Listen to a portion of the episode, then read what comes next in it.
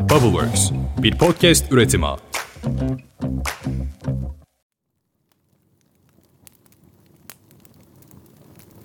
Evvel zaman içinde, kalbur zaman içinde. Develer tellallık, ayılar hamallık etmezken, devler dağları bırakıp ovalara gitmezken, hey orada ne var dediler. Bir de baktılar ki bir köy kurmuş keçiler. Kurt gelmiş, muhtar olmuş. Elini vermiş, kolunu almış. Dikeni vermiş, gülünü almış. Telini vermiş, gelini.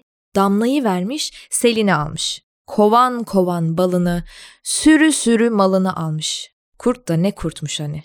Önündeki lokmalardan ilkini yutmuş, ikincisini yutarken karşısına dikilmiş çomar. Kapanmış bütün kapılar. Kapıyı bırakmış, sapı yutmuş. Suyunu bırakmış, e hapı yutmuş. İnsanoğlunun başından geçenler işte böyle. Dağdan taştan, kurttan kuştan çokmuş. Bir zamanlar çok da uzak olmayan bir geçmişte bir dev yaşarmış. Bu dev dünya üzerinde gelmiş geçmiş en güçlü, en büyük, en yıkıcı yaratıkmış. Fakat nasıl olduysa bu devi daha önce hiç kimse görmemiş. Yine de herkes onu bilirmiş. Dev gece gündüz demeden dünyanın dört bir yanında dolanır dururmuş. Kara varlığı yeryüzüne, okyanusa, havaya damgasını vururmuş. Dev bir adım atarmış, adımını attığı yerde devasa ayak izi kalırmış. Ayak izinin olduğu yerde yangınlar çıkar, toprak betini bereketini kaybeder, ekinler boynu bükük kalır, mahsul vermez olurmuş. Devin gölgesinin değdiği yerleri kap karanlık sis bulutları kaplar, göz gözü görmez olurmuş. İşte bu yüzden ona gölge dev derlermiş. Gölge devin nereden geldiğini, nereye gittiğini, nerede yaşadığını kimse ama kimse bilmezmiş. Kimse karanlık gücünü ne zaman ve nerede göstereceğini bilmezmiş. Bastığı topraklar gibi tüm insanların, hayvanların, bitkilerin yürekleri korkuyla kapkara kesilmiş. Elleri, ayakları demir gibi. Buz kesip ağırlaşmış. Tüm canlılar onun gücü karşısında lal olup susmuşlar. Ahenkle söyledikleri türküleri unutmuşlar. Onlar sustukça devin karanlık gölgesi biraz daha büyürmüş. Onlar unuttukça gölge uçsuz bucaksız, kapkara bir tül gibi her yere serilirmiş. Günlerden bir gün bulutların üstünde gümüş kalesinde yaşayan gök kraliçesi bu sessizliği fark etmiş. Kuşları çağırmış yanına. Demiş ki kuşlar bilir. Onların gözleri, kanatları her yerdedir.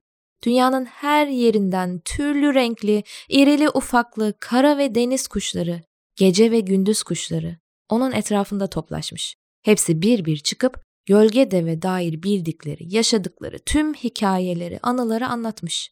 Bir tanesi gölge devin ağaçları nasıl yıktığını anlatmış. Bir tanesi kanadını nasıl kırdığını anlatmış. Diğeri gönlünce şakımayı unuttuğunu, öteki kapkara sisin ötesinde mavi gökyüzünü, güneşi nasıl da özlediğini anlatmış. Gök kraliçesi sabırla ve dikkatle bütün kuşları dinlemiş. Son kuş da hikayesini anlattıktan sonra rengarenk elbiseleriyle gümüşten tahtına oturmuş. Başını almış avuçlarının arasına. Bu karanlığı alt etmenin bir yolu olmalı. Evet evet, bu karanlığı alt etmenin bir yolu olmalı diye düşünmüş, taşınmış, sonra birden silkelenmiş, durun bakalım demiş. Her gecenin bir sabahı vardır elbet. Şimdi geldiğiniz yere geri uçun. Gölge devin evini bulun. İşte o zaman ne yapmamız gerektiğini öğreniriz demiş. Günler günleri, haftalar haftaları, aylar ayları kovalamış. Kuşlar devin evini aramaya devam etmişler. Dağların, tepelerin ardına, yamaçların kıyısına, denizlerin kuytusuna bakmışlar derken yaşlıca bir baykuş yiyecek bir şeyler aramak için daha önce hiç girmediği bir mağaraya girmiş.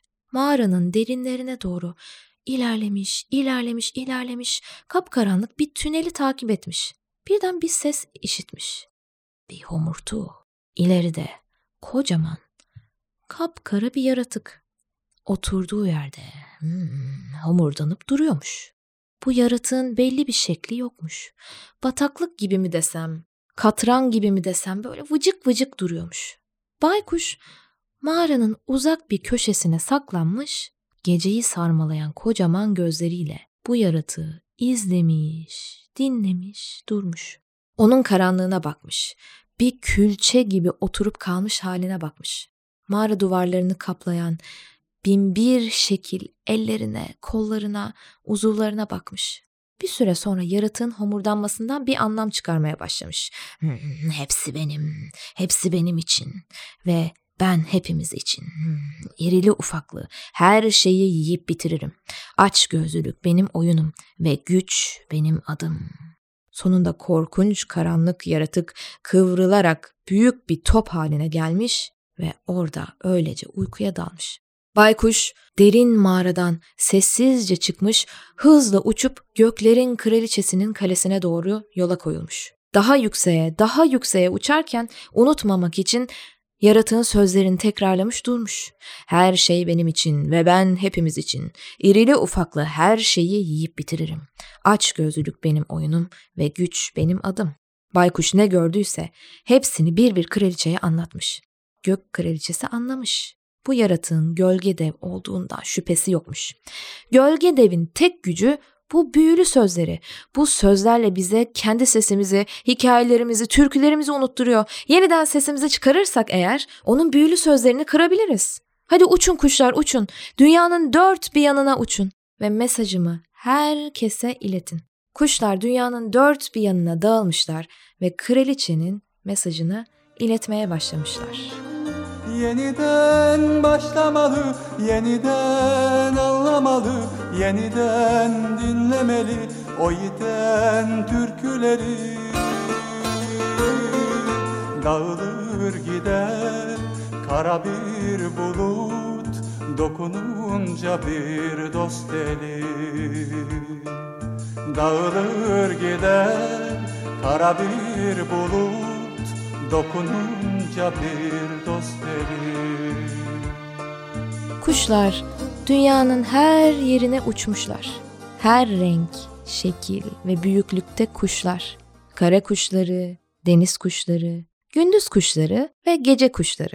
Ve uçarken dünyadaki herkesin duyması için gök kraliçesinden gelen mesajı söylemişler. Bazen bu mesajı hatırlamak için yere yumuşakça uçuşan tüyler bile bırakırlarmış.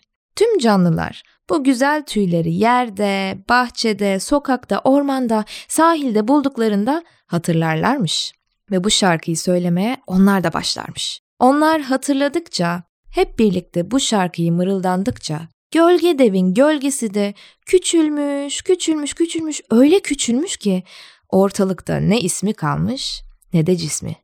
Dev sözlerini mırıldanıp büyüyecek gibi olduğunda tüm canlılar yine bir araya gelir, hep bir ağızdan söylerlermiş türkülerini, anlatırlarmış hikayelerini. İşte böylece o günden sonra gökyüzünü karartan tek şey bereketi taşıyan yağmur bulutları olmuş. Toprak ağırlığından yerlere kadar eğilen ekinler sunmuş. Güneş parlatmış üzerine sis çöken gözleri. Yeniden ve yeniden gün doğmuş.'' Gül pembe bahar türküleri de Kıyıda gölgesine oturup zeytin ağacının. Ben geldim derim eski günlerim Düşelim yollarına kanayan sevgi çiçeğinin. Yeniden doğup eline günün Yeniden duyup adını gülün Yeniden. Yeniden başlamalı Yeniden anlamalı Yeniden dinlemeli O yiten türküleri. Dağılır gider kara bir bulut Dokununca bir dost eli Dağılır gider kara bir bulut Dokununca bir dost eli